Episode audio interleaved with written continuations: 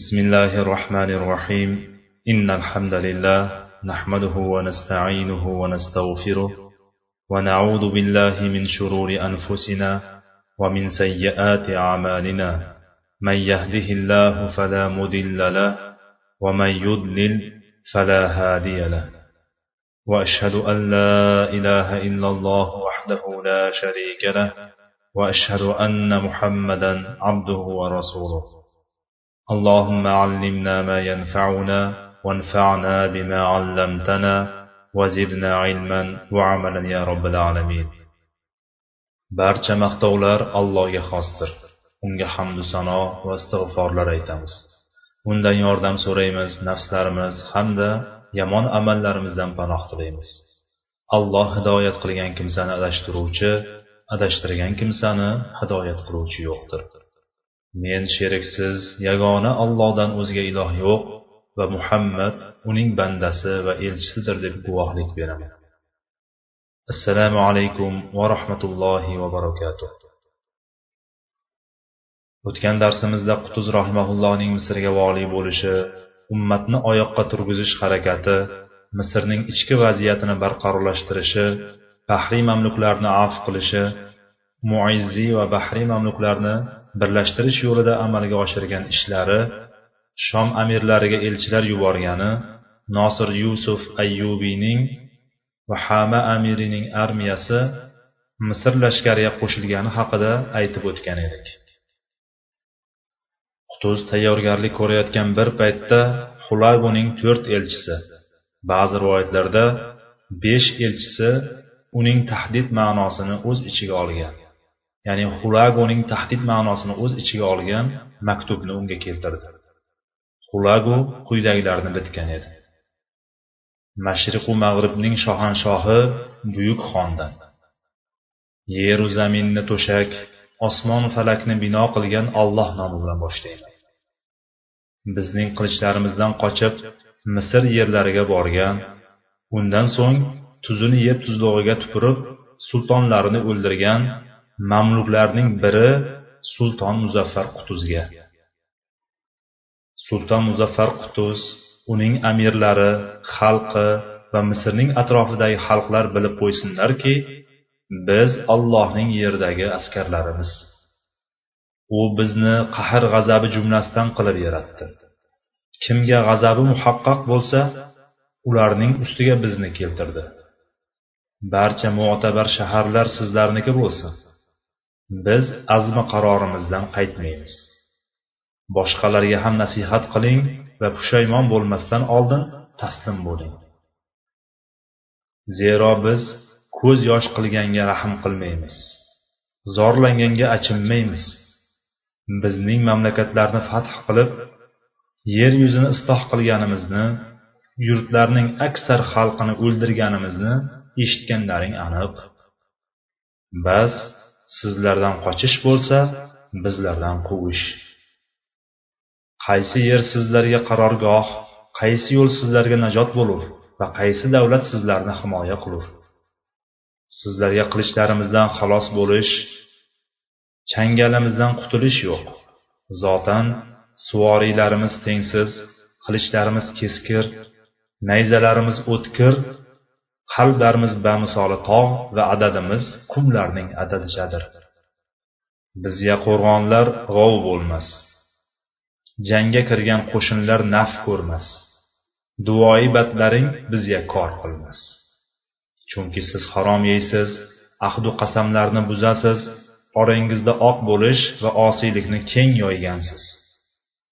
Bas sizlarga xorlik va sharmandalik qulluq bo'lsin. Endi bugun yerda nohaq kibr havo qilganlaringiz va itoatsiz bo'lganlaringiz sababli xorlik azobi bilan jazolanursizlar zolim kimsalar esa yaqinda qanday oqibatga qarab ketayotganlarini bilib qolurlar. Kim bizga urush ochsa nadomat qilgay kim omonligimizni talab qilsa salomat qolgay. Shartimiz va amrimizga itoat qilsangiz siz o'z yo'lingizdan biz o'z yo'limizdan ketamiz. Bordiyu xilof qilsangiz halok bo'lursiz.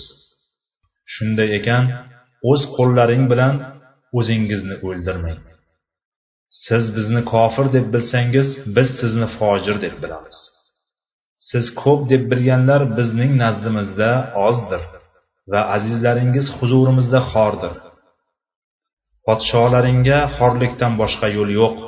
Urush alangasi uchquni siz tomonga yetmasdan javobda paysallamang elchi jo'natib insof qildik ogohlantirib uyg'otdik zero sizdan boshqa maqsadimiz ham qolmadi.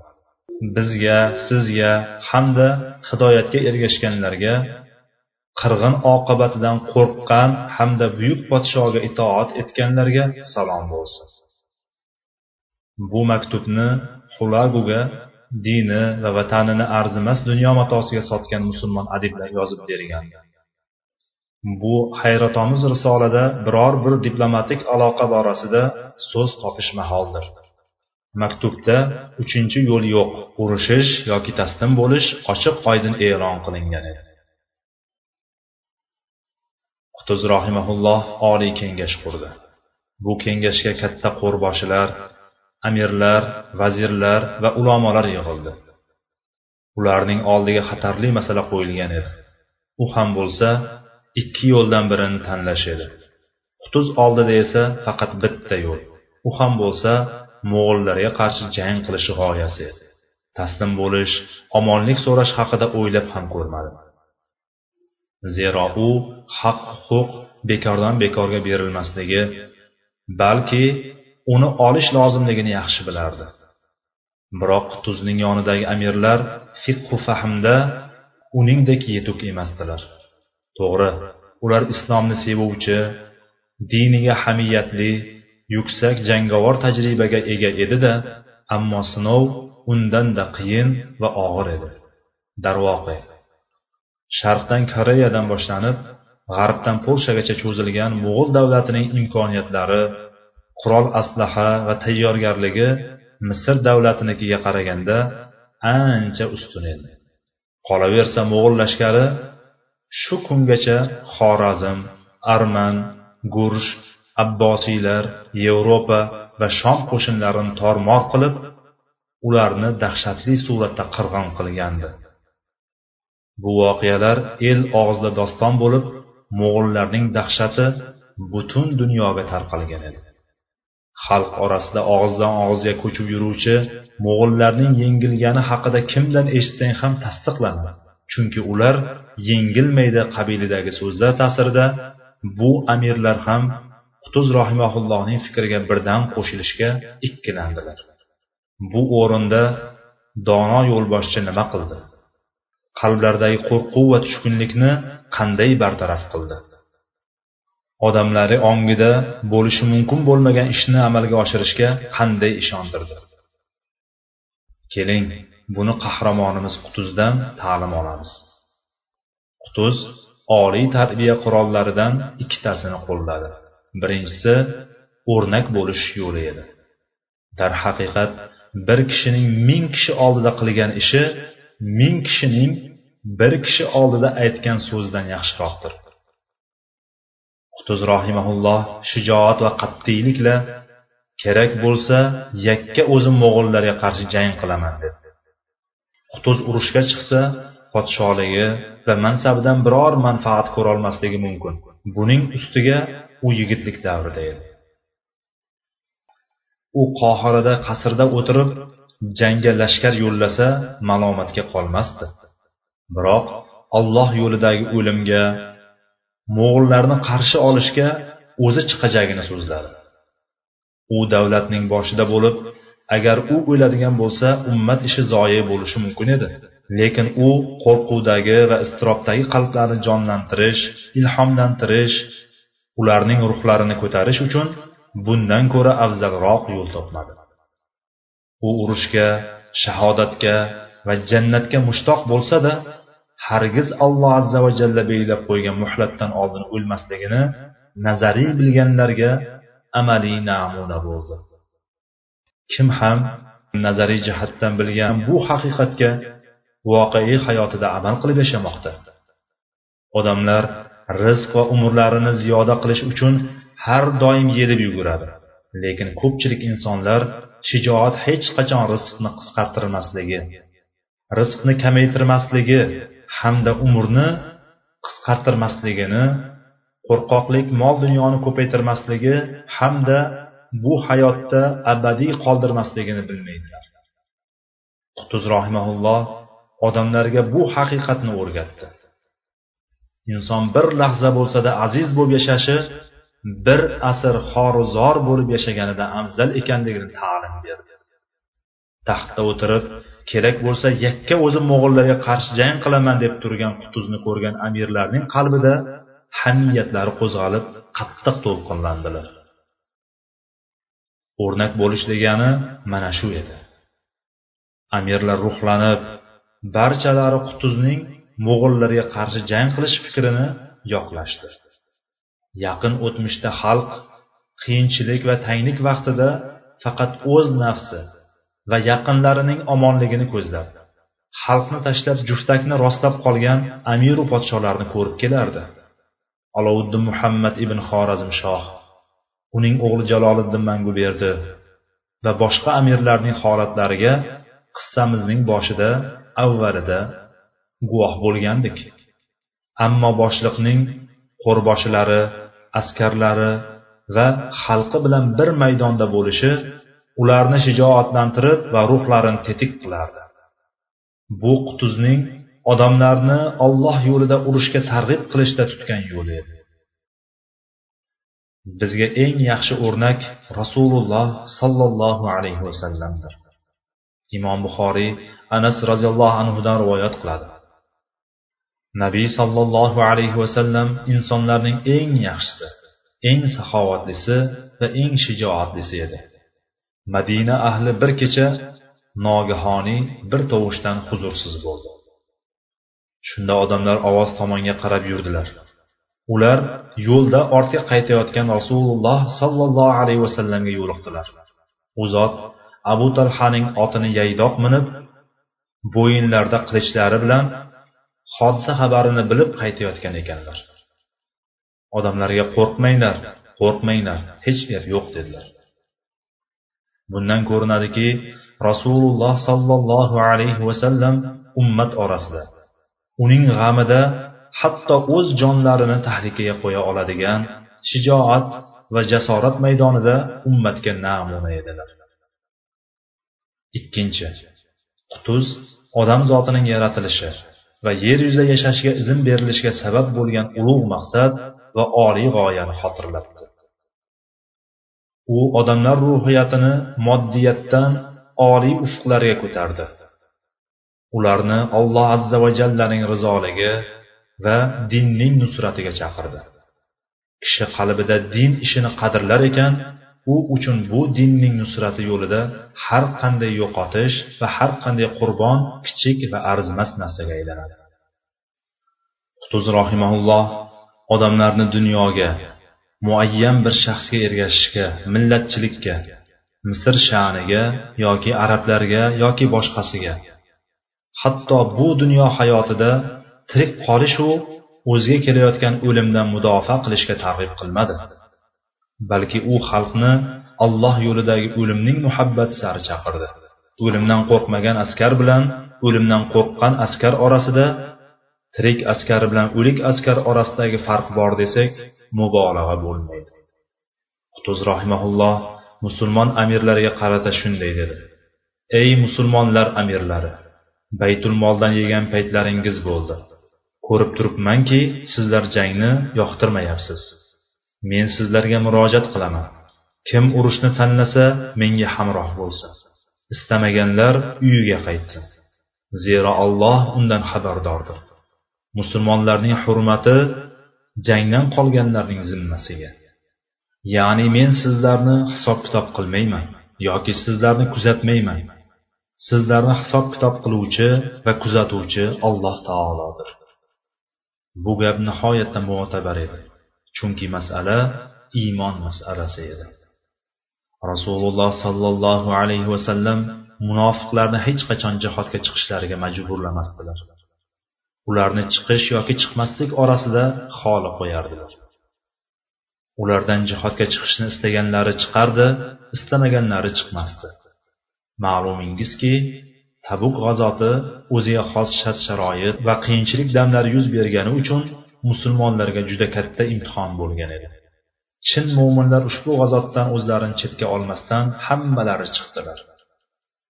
Hatto undan qolish munofiqlik belgisi bo'lib sanalib qoldi. Biror kishi undan qolib ketgan bo'lsa bu haqda rasululloh sollallohu alayhi vasallamga xabar berilganida u zot qo'yaveringlar. Agar u odamda yaxshilik bo'lsa alloh o'zi uni sizlarga yetkazib qo'yadi.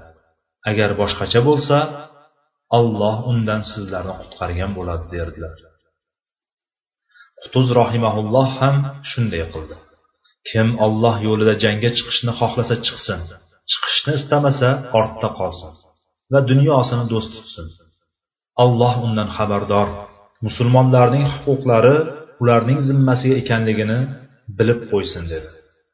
Qutuzning ishorasi ya'ni amirlar va vazirlarning yillar davomida musulmonlar baytul molidan yeb yashagani hatto undan o'marib boylik ham to'plaganligi kunday ravshan edi. Qutuz go'yo ularning ichidagini o'qiyotgan edi. Ulardan ba'zilarining maqsadlari faqat mansablaridan imkon qadar foydalanib halolmi yo harommi mol dunyolarni ko'paytirib olish edi.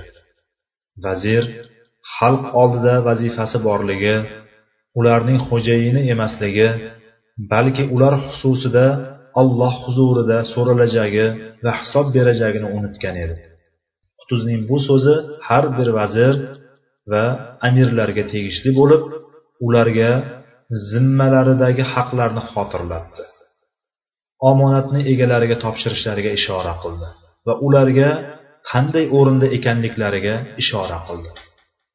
Qutuz rahmaullohning qalbi yumshab to'lqinlandi va amirlarga yig'lagan holatda xitob qilib ey musulmonlar amirlari agar biz islom uchun harakat qilmasak unda kim harakat qiladi? dedi. Haq ustida aytilgan haq so'z naqadar go'zal. Agar har bir musulmon bu so'zni aytib hayotiga tadbiq qilsa islom ummati hamisha ustuvor oliy bo'ladi va hech qachon xor bo'lmaydi. Ba'zan qo'shni xonadon yoki boshqa o'lkadan salohiddin ayyubiy yoki xolid ibn valid yoki qutuz yo bo'lmasa qoqoning chiqishiga intizor bo'lamiz. O'zimiz esa harakat qilishni hayolimizga ham keltirmaymiz. Nima uchun salohiddin ayyubiy yoki yusuf ibn tashfin yoki shahid nuriddin mahmud o'zimiz bo'lishimizni faraz qilmaymiz? Ular faqat alloh azza va jallaga iymon keltirib rasululloh sollallohu alayhi vasallamning yo'llaridan yurgan edilarku. Oldimizda allohning aziz kitobi va rasuli sollallohu alayhi vasallamning manhajlari bor. Nima uchun? O'zimiz turganda boshqalardan nusrat amalga oshirilishini kutishimiz kerak. Agar biz islom uchun harakat qilmasak unda kim harakat qiladi? Bu kalima amirlarning qalblarini larzaga soldi. Bu larza qotgan diydalarni ochdi. Qalblarida iymon kuchi qalqib ko'zlariga yosh purkadi yig'ladilar. Ha kimning qalbida ollohdan qo'rquv bor ekan undan hamma yaxshilikni umid qilsa bo'ladi. Ba'zi amirlar o'rnidan turib yaxshi so'zlarni ilova qildi. Qolganlari jang tarafdori ekanliklarini e'lon qildi. Qutuz juda qiyin va buyuk masalaga go'zal yechim topdi. Bu yechim jang qarori edi. Shunday qilib misr davlati mo'g'ullarga urush e'lon qildi. Bu misr tarixida mutlaqo buyuk qarorlardan biri bo'lgan edi. Qutuz amirlarning qalbiga o'rnak bo'lish allohni va burchlarni eslatish ijobiy ta'sir qilishini bilardi. Qalblar ikkilanishi taraddudlanishi mumkinligini ham unutmadi. Shunda u ikkilanish orqaga qaytish yoki taslim bo'lish yo'lini tamoman kesish hamda urushdan boshqa yo'lni qoldirmaslik rejasini qildi. Yig'ilishdan so'ngra xulagu jo'natgan tahdidiy maktubni keltirgan to'rt elchini qatl qilib boshlarini qohiraning zuvayla darvozasiga osib qo'yish va ularning orasida kelgan balog'atga yetmaganini mamluklar safiga qo'shish qarorini berdi. Bu darvozaga ilk bor mo'g'illarning boshi osilishi edi. Mo'g'ul elchilarini o'ldirish fikrini rukniddin Baybars bunduqdoriy o'rtaga tashlagan edi. To misr xalqi uni ko'rib podshomiz mo'g'illardan qo'rqmas ekan deb ruhiyatlari ko'tarilishi hamda mo'g'illarni qarshi olayotgan bu qavm mo'g'illar ilgari duch kelgan qavmdan butkul boshqacha ekanligini e'loni edi. Bu hodisa mo'g'illarning ma'naviyatiga salbiy ta'sir qilgani oz bo'lsa-da ularni qalbiga qo'rquv va taraddudni solgani tabiiy. Elchilarning qatl qilinishi bir tomondan omonlik so'rab taslim bo'lish ishiga keskin nuqta qo'ygan bo'lsa ikkinchi jihatdan jangga jiddiy va mukammal tayyorgarlik ko'rishga undardi zero bundan so'ng misr ahli taslim bo'lishni istasa ham mo'g'ullar buni qabul qilmasligi turgan gap edi. Bitta yo'l bor u ham bo'lsa jang bu qutuz va uning amirlari ishtihodi edi. Bu o'rinda to'xtalib o'tish lozim bo'lgan nuqta bor. Bu elchilarning o'ldirilish hodisasidir. Qutuz rohimaulloh va uning yonidagi amirlar elchilarni o'ldirib xato qilishdi. Chunki islomda elchi xoh musulmon xoh kofir hatto murtad bo'lsin o'ldirilmaydi. Abdulloh ibn masud roziyallohu anhudan rivoyat qilinadiki ibn navvoha va ibn usol nabiy sollallohu alayhi vasallamga musaylima tomonidan elchi bo'lib kelishdi. Nabiy sollallohu alayhi vasallam mening ollohning rasuli ekanimga guvohlik berasizlarmi? deb so'radilar. Ular biz musaylima allohning rasuli deb guvohlik beramiz deya javob qilishdi. Shunda rasululloh sollallohu alayhi vasallam allohga va rasuliga iymon keltiramanki agar elchini o'ldirishni durust sanaganimda qasamki sizlarni o'ldirgan bo'lardim dedilar. Ibn masud roziyallohu anhu aytadilar shundan e'tiboran elchini o'ldirmaslik sunnat bo'lib qoldi. Ibn navvoha va ibn usollar ilgari musulmon bo'lishgan. So'ngra musaylima kazzobga iymon keltirib murtad bo'lgan imom ahmad va abu dovud rahimahumallohning nuaym ibn masud roziyallohu anhudan qilgan rivoyatlarida rasululloh sollallohu alayhi vasallam allohga qasamki elchilar o'ldirilmaydida agar elchilar o'ldirilsa edi sizlarni bo'yinlaringni uzardim dedilar. Imom shavkoniy rahmaulloh naylul avtor kitobida aytadiki abdulloh ibn masud va nuaym ibn masud roziyallohu anhudan kelgan bu ikki hadis kofirlar tomonidan kelgan elchini agar amir va musulmonlarning huzurida kufr kalimalarini aytsa ham o'ldirish harom ekaniga dalolat qiladi. Xullas shariat hukmida elchilarga o'lim yo'q. Qutuz rohimaulloh elchilarni o'ldirishga qayerdan dalil topgan bo'lsa nima uchun o'sha zamondagi ulamolar sukut saqlashdi? Balki ulamolar yetkazgandiru ammo bizgacha kitoblarda yetib kelmagandir? Balki qutuz mo'g'ullar biror bir qonun qoidaga e'tibor bermay yoshu qarini erkagu ayolni jangchiyu oddiy fuqaroni bir chekkadan o'ldirganlari uchun ijtihodan shunday qilgandir. Balki elchilar uning huzurida beodoblik qilib hadlaridan oshgandir. Agar mana shular sabab u bu ijtihodni qilgan bo'lsa biz kofirlarning axloqlaridan uzoq bo'lishimiz lozimku. Kofirlar bolalarni o'ldirsa. Ulardan qasos olyapmiz deb bolalarni o'ldirish.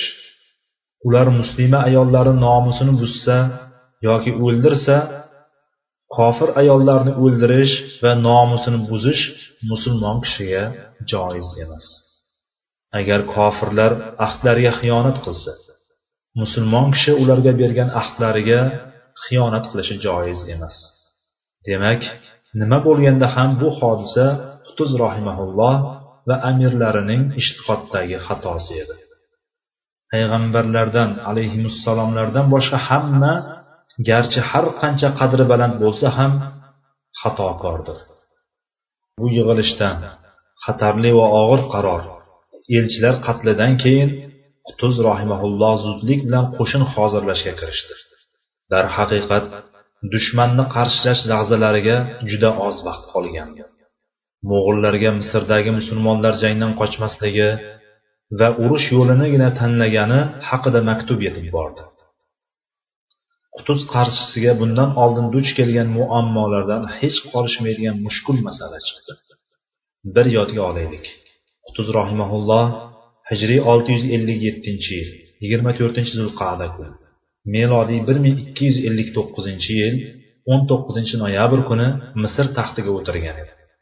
Qutuzning maktubi halab ishg'ol qilinganidan bir oz vaqt o'tgan damashq hanuz ishg'ol bo'lmagan mo'g'ullarning buyuk xoqoni manguxon o'limi sabab qulagu mo'g'ulistonga otlanish arafasida turganda yetib borgan edi. Halab hijriy olti yuz ellik sakkizinchi yil safar oyida melodiy bir ming ikki yuz oltmishinchi sana fevralda damashq esa kit buganoyin qo'li bilan hijriy olti yuz ellik sakkizinchi yil robiyul avval oyida melodiy bir ming ikki yuz oltmishinchi yil martda ishg'ol qilingan edi. Shundan ko'rinadiki xulaguning maktubi qutuzga safar oyining oxiri yoki robiyul avval oyining boshlarida fevralning oxiri yoki martning boshlarida qutuz rahmaulloh taxtga o'tirganidan uch oydan keyin kelgan edi. Qutuz amalga oshirgan ishlarga bor yo'g'i uch oy vaqt ketgandi. Odatda bu ishlarning islohi uchun yillar kerak bo'ladi. Ba'zan esa o'nlarcha yillarda ham bunday yutuqlarning o'ndan biriga ham yetisha olmaydi. Ba'zan esa yillar o'tib yutuq emas ancha orqaga ketib yutqazishga duch kelinadi lekin qutuz alloh azza va jalladan madad so'rab muammo ketidan muammoni bor kuchi bilan harakat va hamiyat bilan bartaraf qilishga kirishgan edi. Uning g'oyasi ravshan yovvoyi yirtqich mo'g'ul quvvatini sindirish va musulmon o'lkalarni ularning iskanjasidan ozod qilish edi ichki vaziyatni barqarorlashtirish saflarni birlashtirish bahriy mamluklarni kechirish ularni shom turkiya va boshqa yerlardan misrga chorlash bahriy va muizziy mamluklar orasini birlashtirish ayyubiy amirlariga maktublar yo'llash qo'shin to'plash xalqni jangga hozirlash va amirlarni jang sari ruhlantirish ishlari atigi uch oy ichida amalga oshirilgan edi. Qutuzning qarshisidan shuncha qiyinchiliklar ustiga yangi va ulkan muammo chiqdi. Bu muammo iqtisodiy moliyaviy qiyinchilik edi. Islom lashkarini jihozlash oziq ovqat ta'minoti ko'priklar qal'alar va qo'rg'onlarni tuzatish va boshqa ishlar moddiy ta'minotga borib taqalishi kunday ravshan urush uchun kerakli tayyorgarlik ko'rish qamal yuzaga kelgudek bo'lsa xalqqa qamal kunlarida kifoya qiladigan oziq ovqatlar jamg'arib qo'yish shart edi. O'sha damlar misrda og'ir iqtisodiy tang hukm surayotgan o'n o'n besh yillik rejalar uchun fursat yo'q mo'g'ullar esa eshik qoqib turardi. Ular g'azoda misrdan o'ttiz besh kilometr masofa uzoqda edilar. Qutuz bunday qiyin vaziyatdan qanday chiqdi?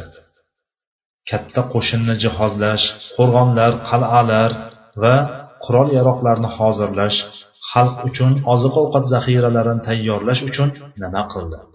U o'n beshinchi shabon ya'ni 2 avgust dushanba kuni maslahat kengashi qurdi. U hayotida barcha muhim ishlarni maslahat asosida amalga oshirar edi qutuz bu kengashda katta askarboshlar amirlar ulamolar va faqihlarni chorladi. Ulamolarning kattasi izz ibn abdusalom rahimaulloh edi. Ular mamlakatdagi iqtisodiy tanglikdan qanday chiqish armiyani qanday ta'minlash mumkinligi haqida fikrlay boshladilar. Majlisni qutuz rahimaulloh ochib berdi.